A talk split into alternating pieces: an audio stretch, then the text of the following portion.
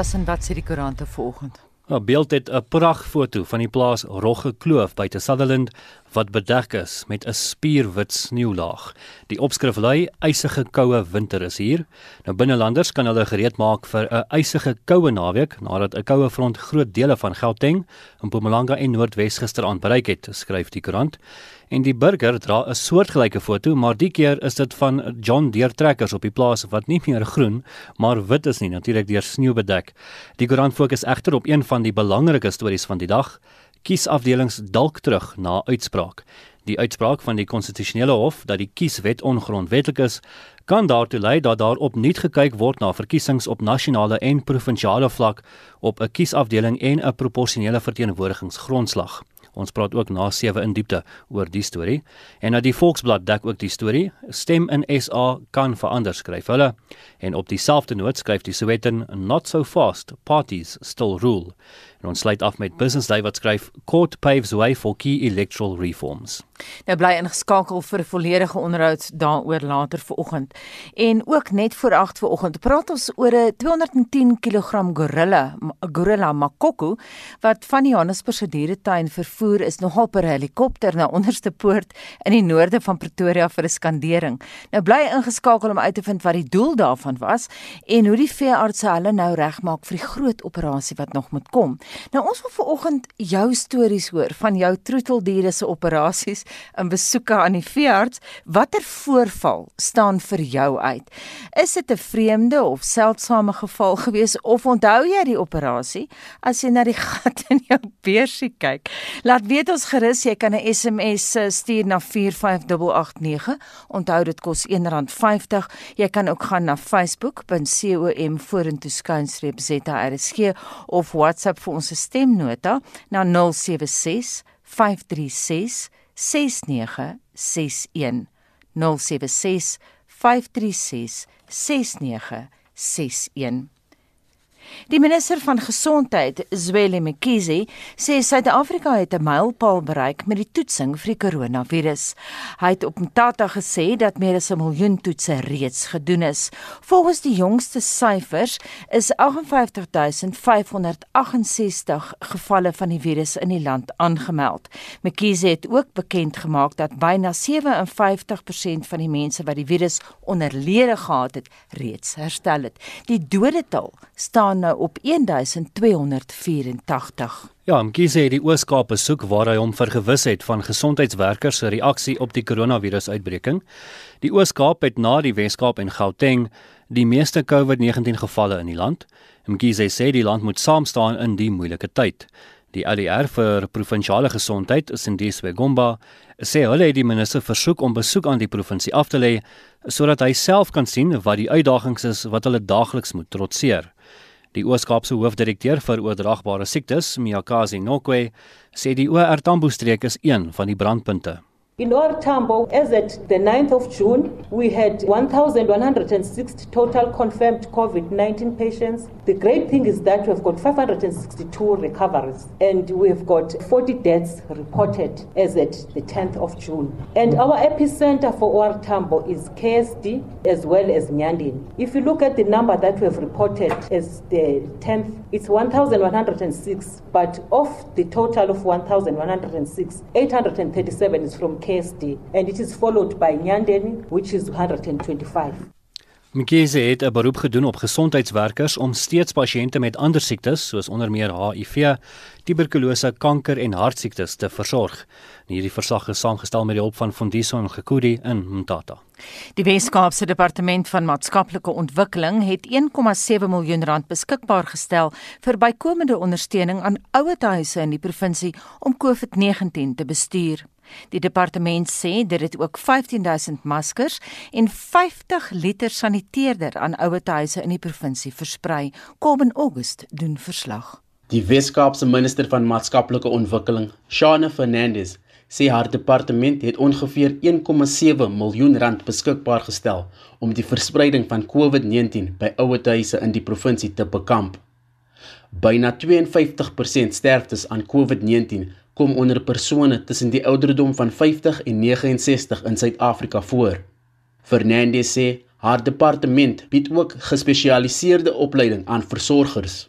Support for older people, their families, and their caregivers is an essential part of our department's comprehensive response to the COVID 19 pandemic. The department currently funds 364 non profit organizations that render services to older persons, of which 117 are residential facilities. Fernandez het 'n beroep op alle lede van die samelewing gedoen om die nodige voorsorgmaatreëls te tref om die veiligheid en welstand van bejaardes te bevorder, veral diegene wat komorbiditeite het. The success of our interventions depend on continued partnerships with communities and family members. Let's work together to ensure that our elderly are protected by following the necessary health protocols. Die Sensit Resthaven Ouetuis in Strand sê die bykomende befondsing van ongeveer 1,7 miljoen rand wat die Weskaapse Departement van Maatskaplike Ontwikkeling aan ouetuise beskikbaar gestel het, sal baie help met die aanstel van die bykomende personeel wat benodig word om COVID-19 te bestuur. Een personeellid is al oorlede en verskeie ander het positief vir die virus getoets. Die raadsvoorsitter van die fasiliteit, Carol Walsh sê hulle sal voortgaan om hul inwoners te monitor wat onder die kwesbaarste is vir COVID-19.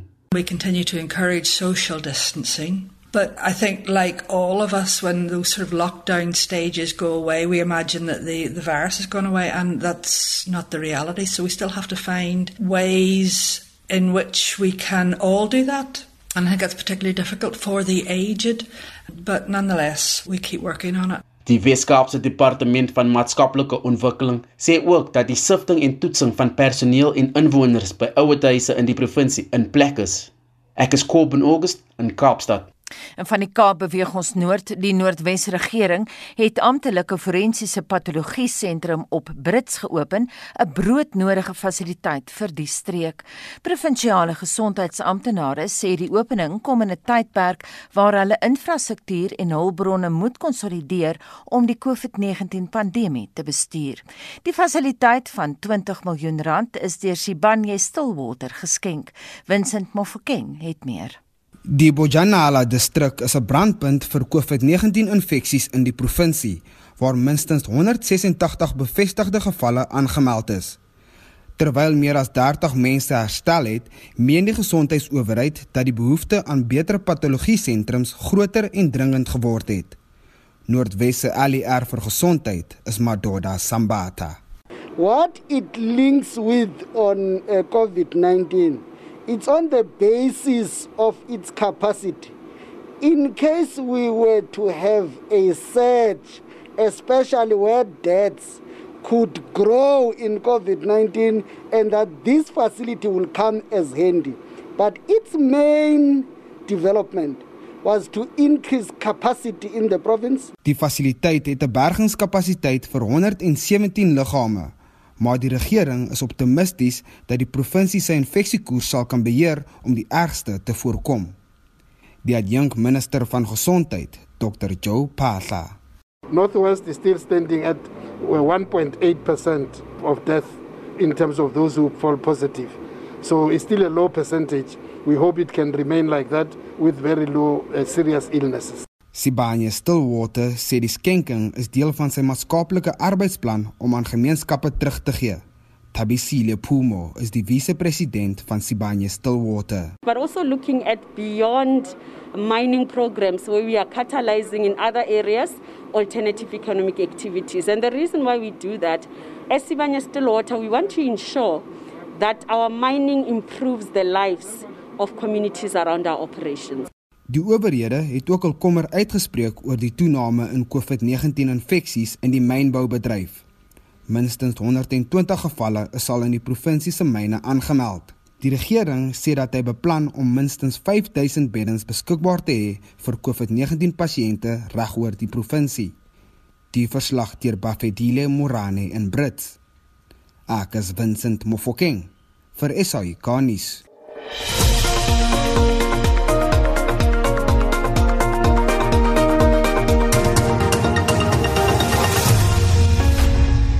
Die private hospitaalgroep Life Care of liewer Life Healthcare se rekenaarstelsel is glo deur kuberkrakers aangeval. Daar's egter ook ander maatskappye wat deur hierdie krakers geteiken is. Vir meer hieroor praat ons nou met 'n rekenaarveiligheidsspesialis van die maatskappy GTSP, Jacques van Heerden. Goeiemôre Jacques. Hey, goeiemôre almal. Lekker koue dag vandag. Absoluut ja. Jacques, wat weet jy van hierdie aanval op Life Healthcare? Jong Anita, ek weet nou nie spesifiek van wat presies daar gebeur het nie, maar die die storie is dat dit ransomware is. Maar dit is nie net healthcare wat wat gevat is nie. Daar is daar word omtrent 577 aanvalle gedoen op maatskappye elke dag in Suid-Afrika.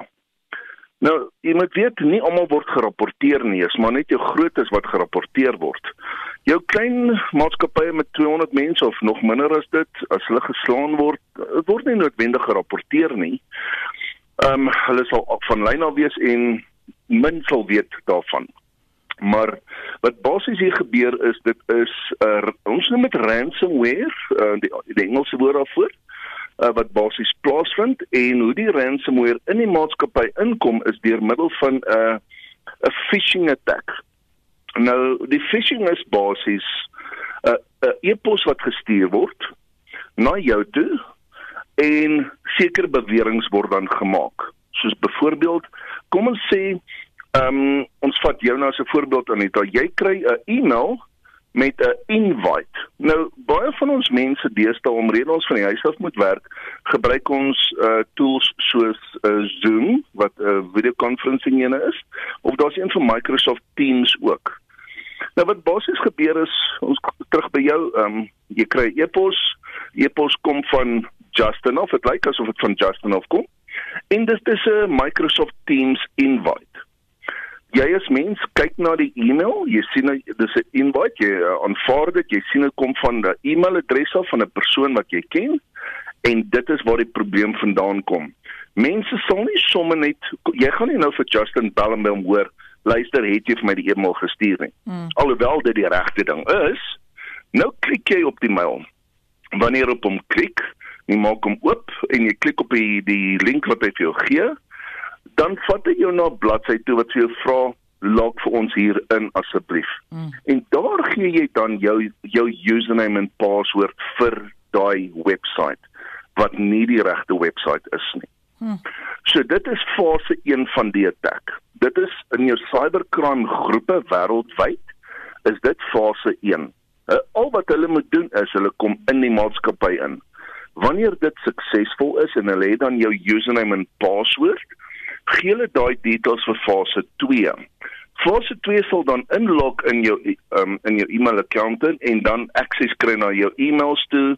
Deur jou dokumente gaan om te kyk wat doen jy, watse persoon is jy, is jy authoritative en so aan in die maatskappy. En dan probeer hulle 'n backdoor insit.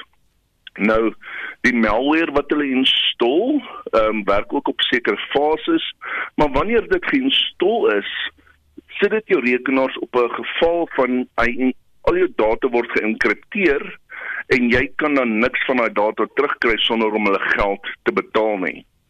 En baie mense verstaan nie die konsep nie en hoe ek dit basies aan hulle verduidelik is, kom ons sê jy het 6 hondjies of jy het 6 katte. En ek kom eendag verby en ek vat jou 6 katte. En ek bel jou dag daarna en ek sê vir jou, jy kan jou katte terugkry, maar betaal my 500 000 rand per kat. Jy gaan dan sê nee, wag, kom ons onderhandel. Nou ek sê dis reg, kom ons onderhandel. Ek was bietjie hard op jou gewees. Kom ons maak dit 30000 dan kan jy al jou katte terugkry. Nou betaal jy daai geld oor en jy kry jou katte miskien terug. Miskien kom net 5 van hulle terug. Hmm. Maar dit is die geval wat wat in ons besighede gebeur. Die mense agter die rekenaars ehm um, hulle besef nie hoe waardevol die data is waarmee hulle werk nie. En sodra hulle dit besef, sal hulle die mense nie meer op user of op uh, al hierdie e-mails klik wat hulle nie op moet klik nie. Mm. En dit is 'n groot probleem in ons organisasie teestaan. Baie van die mense wat van die huise werk, sal byvoorbeeld nie weet wie is in hulle IT departement nie. So as ek hulle by die huis staan en ek sê vir hulle ek is Koos en ek is van julle IT departement en ek moet gou inlog in jou rekenaar in. Mm. Moet dit nie toelaat nie. Hmm. Bel jou IT departement en vra vir hulle werkkoers daar, wat is die ticketnommer? Moet op my rekenaar werk? Ja. OK, gaan voort. Ons moet net daai ekstra stappie inbou en sê, OK, laat ek net gou IT bel en hoor of dit regtig so is. En dan gaan ons die rekenaars alreeds veiliger maak. Jy moet verstaan, jou cybercrime besigheid wêreldwyd is jou grootste besigheid nuclear weapons word gevind met hierdie gelde wat gesteel word wêreldwyd ook. So dit is dis absoluut belangrik dat die mense hulle rekenaars veilig hou en die data op hulle rekenaars veilig hou ook. En ek weet baie maatskappye probeer jou 'n uh, training doen vir die users wat hulle sê users moenie op links klik nie. Maar nou wat van as daar 'n link kom en dit sê dit is ehm um, dis 'n feit dat jy COVID het jy het jy's geïdentifiseer jy het COVID en jy moet op hierdie link klik om jou data in te vul dat ons jou kan kom ondersoek of wat ook al die geval is. Ja. Mense, ja. Maak jy sin klop? Nee, mense moet besef dit is fake e-mails wat wat hulle kry. Maar die probleem is uh jy is so sterk of so swak soos jou swakste skakel ja, en dit vat net een persoon in 'n maatskappy om daai klik te doen en dan het die maatskappy groot moontlikheid. Wat kan maatskappye doen om hulle kubersekerheid te verbeter? Moet daar beter kommunikasie wees met die mense wat vir hulle werk? Jong, Ek gaan sê ja, maar kyk die dinge hulle doen dit baie op e-pos. Die kamp die maatskappy sal 'n e-pos uitstuur vir almal en sê mense moenie op links klik nie. Moenie dit doen nie, moenie dit doen nie. Mm. Hoe weet ons die mense luister na dit? Hulle mag dit dalk lees, maar hoe weet ons hulle luister na dit? So nou moet die maatskappy 'n toets doen. So dis juist wat ons dit doen.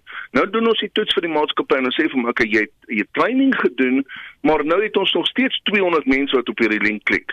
Wat doen jy dan? Dan moet jy dit oorgee vir HR en sê HR nou moet julle begin inspring hierso. Uh, so dit is 'n baie moeilike ding. Die ons ons sit met 'n paar probleme op die oomblik. Eerste ding, jou sekuriteit mense is baie duur en nie elke maatskappy kan 'n oordentlike sekuriteitspersoon bekostig nie en baie kere word die verkeerde sekuriteitspersoon aangestel in die pos. En as hy aangestel word in die pos en hy weet nie baie van IT sekuriteit af nie, gaan daai intelligensie wat hy het nie deursyfer deur die hele maatskappy nie. So dis 'n false sense van security wat die wat die organisasie kry is om deur hierdie persoon te, uh, aan te stel. Ehm um, video's moet meer vir die mense gegee word of hulle moet meer praktiese ondervinding kry van wat is 'n phishing attack? Wat is 'n smishing attack. Nou smishing is byvoorbeeld waar jy 'n SMS kry en sê jy is geïdentifiseer as 'n COVID victim. Mm. Bel hierdie nommer. Ja. Mense ons government gee nie om vir ons dat hulle ons gaan SMS en nie ek het so een gekry van die Department of Health of. En dit is nie die geval nie. Ongelukkig nie in ons land nie. Dit gaan nie so gebeur nie. Ehm um, so mense moet baie attent wees oor wat hulle doen op hulle rekenaars. Baie. En dink nou, dinge so jou rekenaar is jou foon ook. So wat jy op jou huisrekenaar doen, moet jy op jou foon ook doen. Baie dankie en daardie raad kom van Jacques van Heerden, hy se rekenaar veiligheidsspesialis van die maatskappy GTSB. Dis nou 6:33.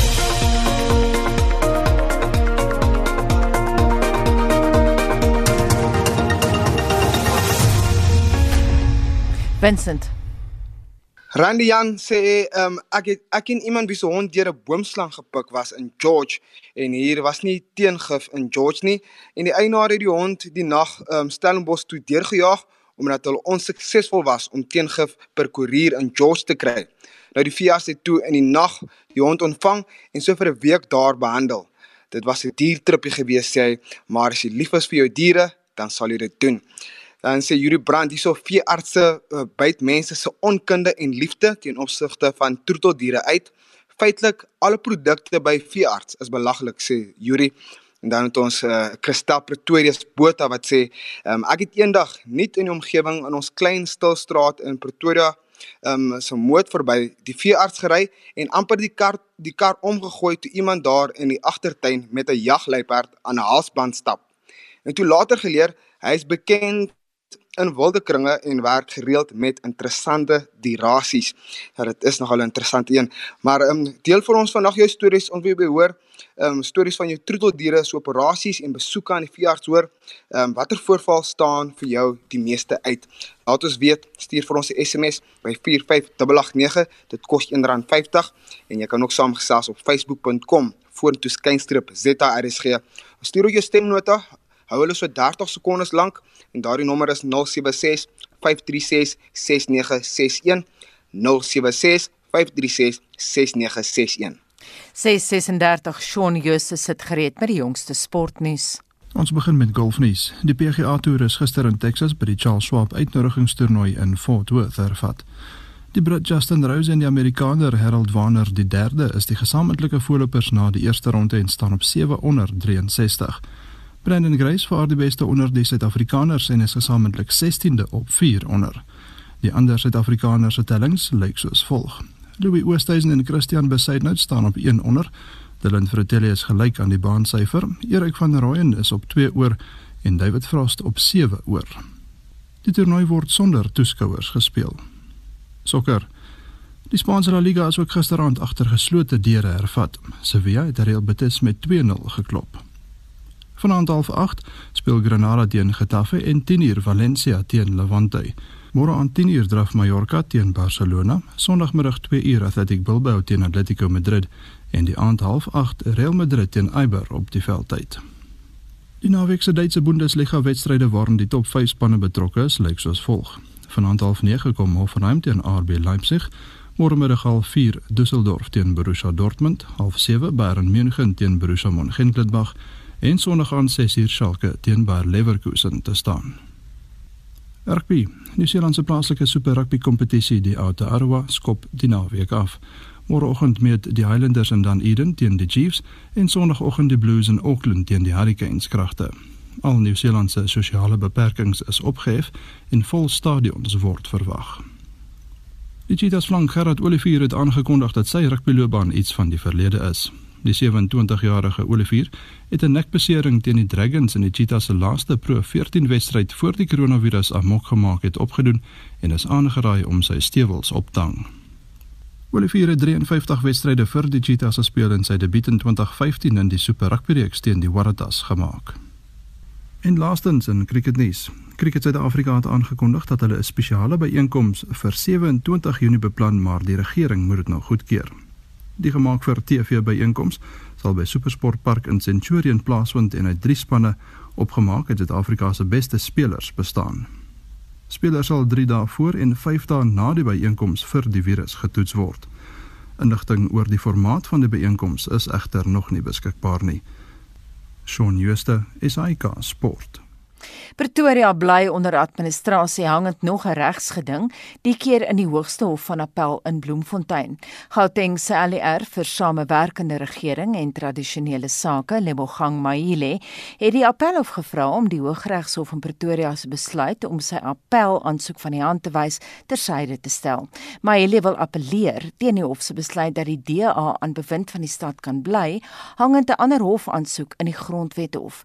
Die ANC en EFF wil wil hê die konstitusionele hof moet bepaal of dit wettig was om die stad onder administrasie te plaas of nie nadat die Pretoria se Hooggeregshof bevind het die proses was onwettig Lila Magnus het meer Die DA het sy oorwinning oor die Gautengse LUR vir samewerkende regering en tradisionele sake Lebogang Mahile gevier toe Mahile se aansoek om appel in die Hooggeregshof in Pretoria van die hand gewys is. Maile het appeleer teen 'n vorige bevinding waarin die DA aan bewind van die stad kan bly hangende 'n grondwetsaak in September die jaar. Die DA het begin voorberei vir die eerste raadsvergadering in maande en sou 'n nuwe burgemeester kies. Die feesvieringe was egter kortstondig. Maile het 'n stokkie voor hul planne gesteek toe hy dieselfde dag aansoek doen by die Hoogste Hof van Appel in Bloemfontein om te appeleer teen die Pretoria se Hooggeregshof se bevel. We believe that enforcing the judgment is not in the best interest of the citizens of Tswane. We have seen the good work that the administrators have done and uh, they've brought about stability and service delivery is improving. The financial situation is improving. They, they are putting systems in place. And we believe that whilst we are waiting for the Constitutional Court to make a final determination on this matter, we should not disturb service delivery. Therefore, we will be appealing. Die DA se burgemeesterskandidaat, Randall Williams, sê die DA se hande is nou afgekap en die inwoners word die meeste benadeel. Means that currently we are not councillors, we cannot go ahead with the council meeting and the administrators are still in office. Judgment itself that states that if the unelected administrators stay in office, that the residents would be irreparably harmed. That judgment has been suspended, so the irreparable harm, as the court has found, continues. Die Hoogste Hof van Appel het aangedui die saak sal op 'n dringende basis aangehoor word. Die ANC en EFF sal in September die jaar in die Grondwet Hof aanvoer hoekom hulle meen die Hooggeregshof in Pretoria het fouteer toe hy bevind het dit was onwettig om die stad van Tshwane onder administrasie te plaas. Ek is Lila Magnus vir SAK nuus in Pretoria. En ons bly by die storie en praat nou met 'n politieke wetenskaplike Roland Henwood van die Universiteit van Pretoria. Goeiemôre Roland. Goeiemôre Anita. Wat is jou reaksie op die storie? Wel dit is 'n saak wat net eenvoudig voortduur en dis die kant toe en daai kant toe en ek dink ongetwyfeld ongeag wat die ehm um, wat die MEC Lebogang Mahila sê is dat dienslewering in Pretoria ly groot skade.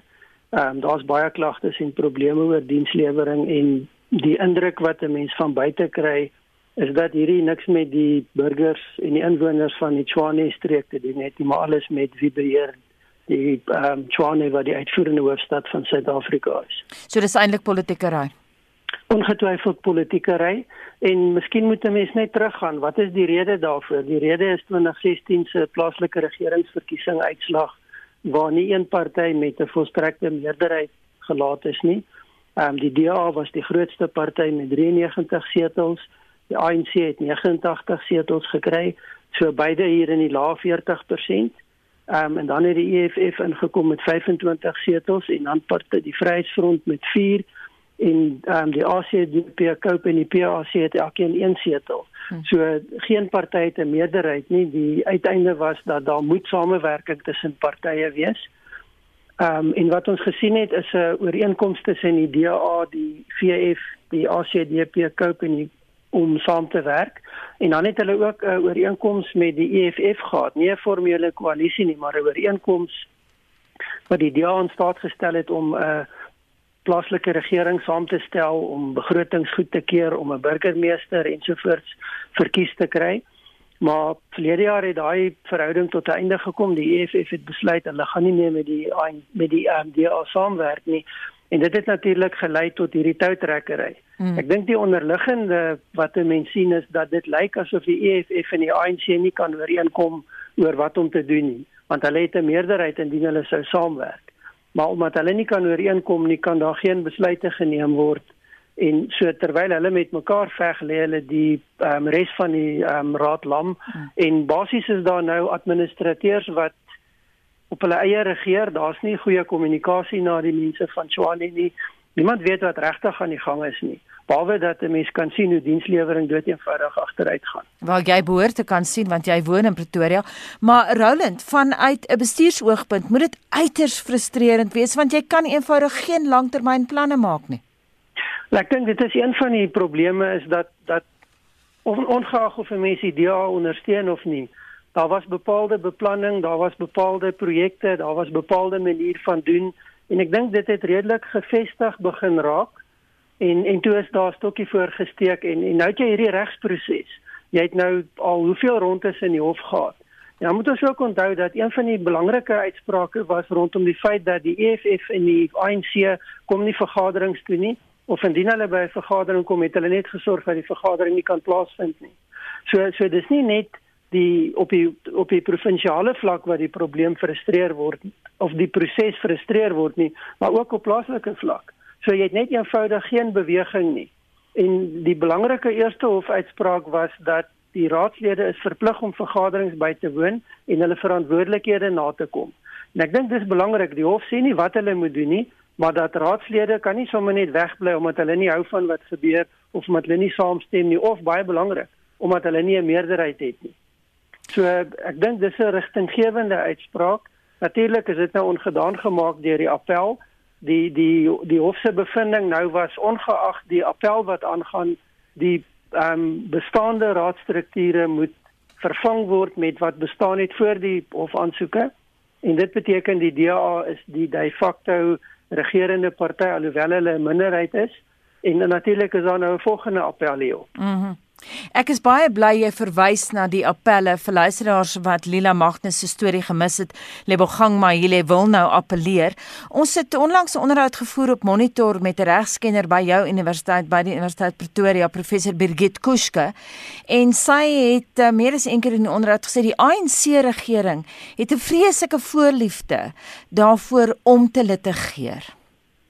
Wel ek dink dit is besig om 'n kenmerk van ons politiek te word. Dit is nie net die ANC nie. Ek dink 'n groot deel van wat ons nou sien in Suid-Afrika is dat wanneer politici nie hulle sin kry op die politieke prosesie dan wend hulle hulle tot die howe. Baie keer ten regte, maar dit lyk vir my al hoe meer of daar ook ten onregte van die strategie gebruik gemaak word. En en ek dink hier moet 'n mens baie belangrike beginsels uitlig. Een is dat ons is 'n nuwe grondwetlike bedeling So dit is goed om die reg te gebruik om duidelikheid te gee waar daar onduidelikheid is. Maar wat ons ook begin sien is 'n misbruik om persoonlike politieke of eng partytetiese doelwitte te bevestig. Daarom dat ons al meer begin sien dat uitsprake ook gepaard gaan met persoonlike kostebevele. Mm. En daar is nou sprake dat daar gevra gaan word dat in hierdie saak daar ook sulke bevele uitgereik word want dit word gesien deur baie mense as 'n misbruik van die regsproses. Jy praat nou van baie partye wat net kyk na korttermyn politieke en hulle eie belange. Dink jy dis maar omdat ons 'n relatiewe jong demokrasie is dat dit sal verander soos wat ons meer volwasse raak? Dit is waarskynlik een van die verklaringe, maar die ander verklaring is dood eenvoudig dat ons in 'n politieke omgewing is waar daar baie hoë vlakke van onverdraagsaamheid is en daar's nie 'n bereidwilligheid tot samewerking nie. Ons sien baie in ons politiek veral op plaaslike vlak dat die benadering is 'n ons hulle benadering. Almal wat aan my kant is is reg en almal wat nie aan my kant is nie is letterlik die vyand. En dis natuurlik 'n baie gevaarlike politiek om te bedryf in 'n plek soos Suid-Afrika. So dis 'n bietjie van 'n onvolwassenheid, 'n onbekendheid dalk met met met ordentlike konstitusionele grondslag van regering, maar ook 'n gevaarlike persoonlike politieke spel. Um, ons sien hierdie tipe prosesse nie net binne tussen partye nie, maar ook binne partye waar jy voortdurend hierdie proses het van 'n manier om mekaar te probeer blok en dan natuurlik ook daar binne die die regsproses te gebruik of misbruik om doelwitte te bereik. Roland het 'n vinnige laaste vraag. Mike Moriarty het nou gesê hulle beplan om vandag tydens 'n virtuele raadsitting 'n nuwe burgemeester te verkies. Dink jy hulle sal dit kan doen nog? Dit is baie moeilik om te sê daar is nie 'n meerderheid nie en indien daar nie 'n genoegsame ondersteuning van ander partye is nie, is dit onwaarskynlik. En dan natuurlik ook ehm um, ek weet nou nog nie of dit finaal is nie, maar indien die appel formeel aansoek gebring word, dan sal daar nie gronde wees vir so 'n raadsvergadering nie. Dan is ons terug by die status quo. Baie dankie en so sê Roland Henwood, hy is 'n politieke wetenskaplike aan die Universiteit van Pretoria. Graad 7 en graad 12 leerders het maandag teruggekeer skool toe na amper 2 maande van COVID-19 inperking. Die terugkeer gaan gepaard met 'n nuwe normaal wat op die stadium nog 'n bietjie vreemd is. Essie de Klerk het aan 'n paar matrieks gevra hoe hulle aanpas by die COVID-19 maatreëls en hoe hulle daaroor voel dat hulle spesiale oomblikke in hulle laaste jaar op skool mis weens inperkingsregulasies. My naam is Rita van Roundel van Kuswag skool in Amamzintouti. Vir die eerste keer in 2 maande moes ek weer 'n wekker gestel het om op te staan vir skool.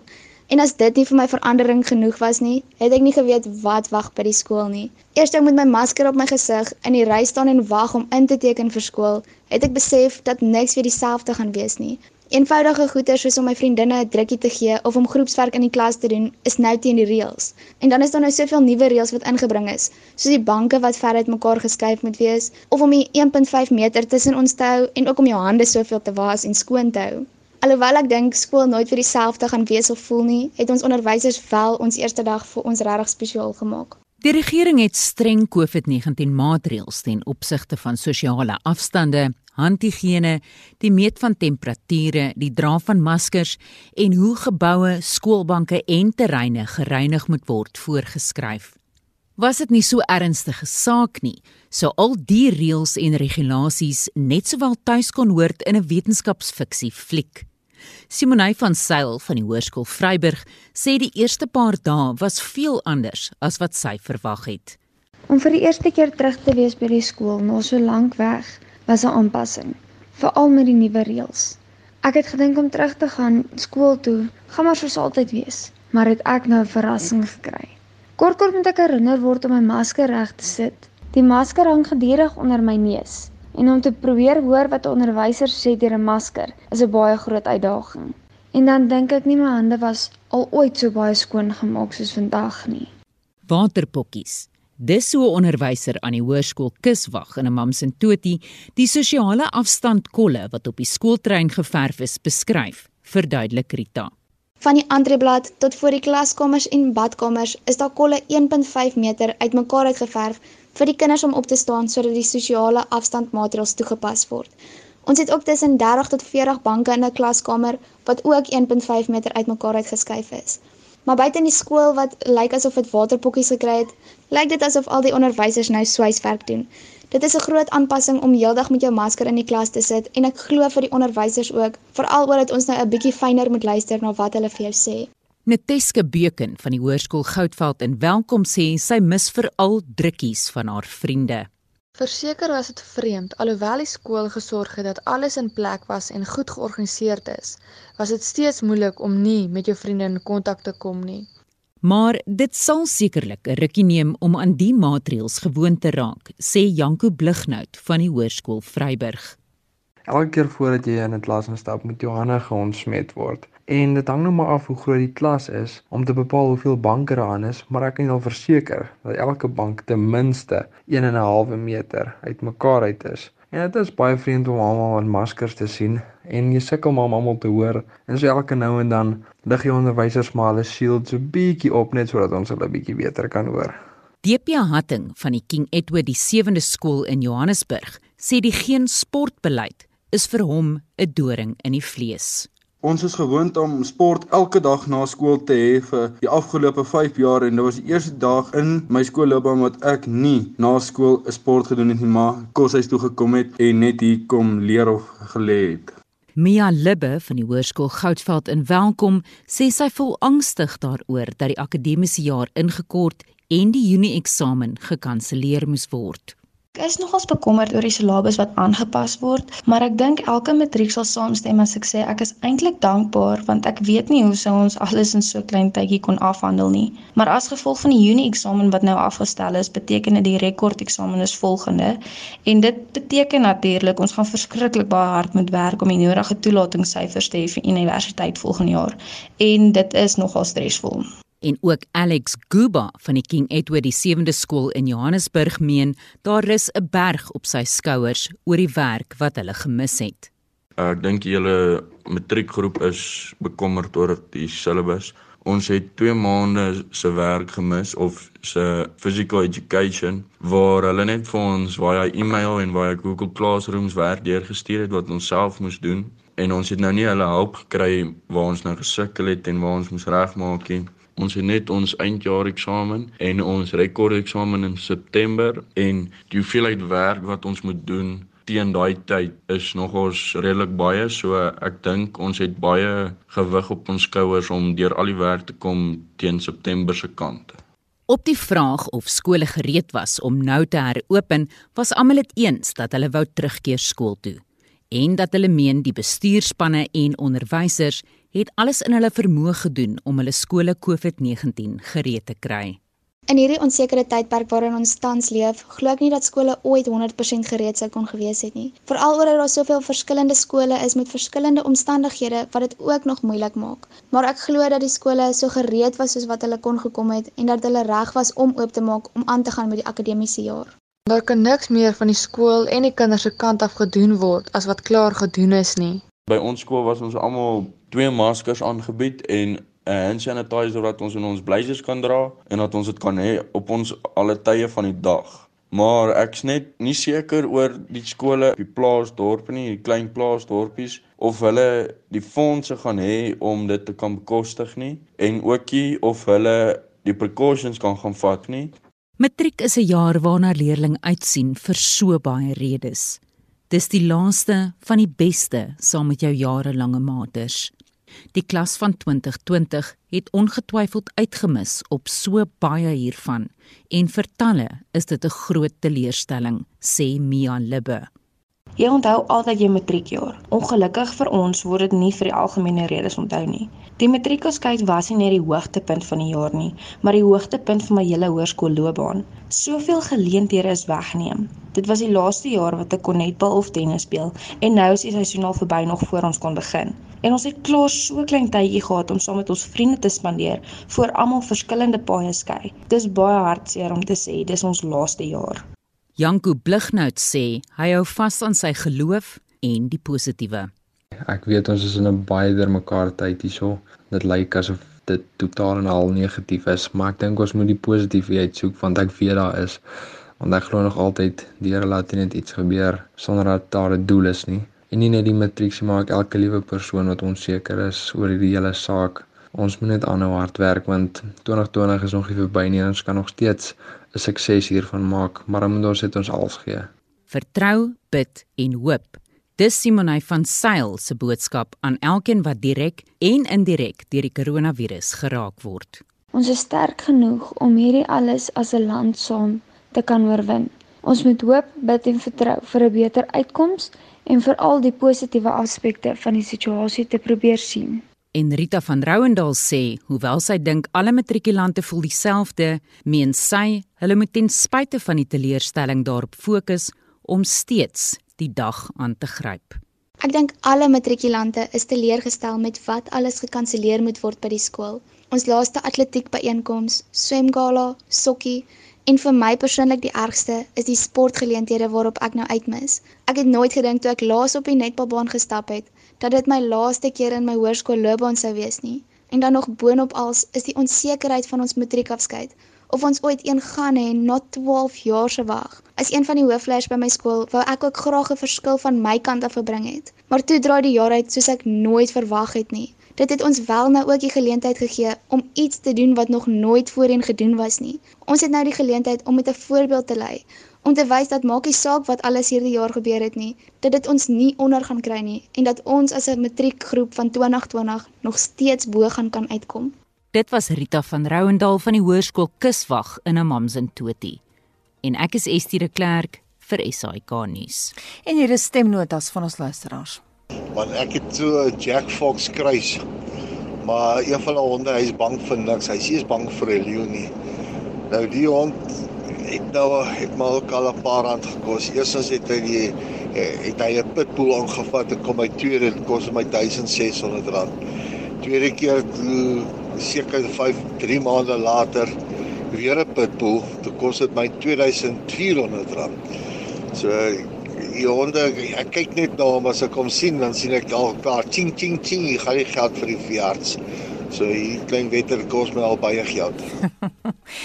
en uh, daardie stemnota bring ons by die 7 uur nuus.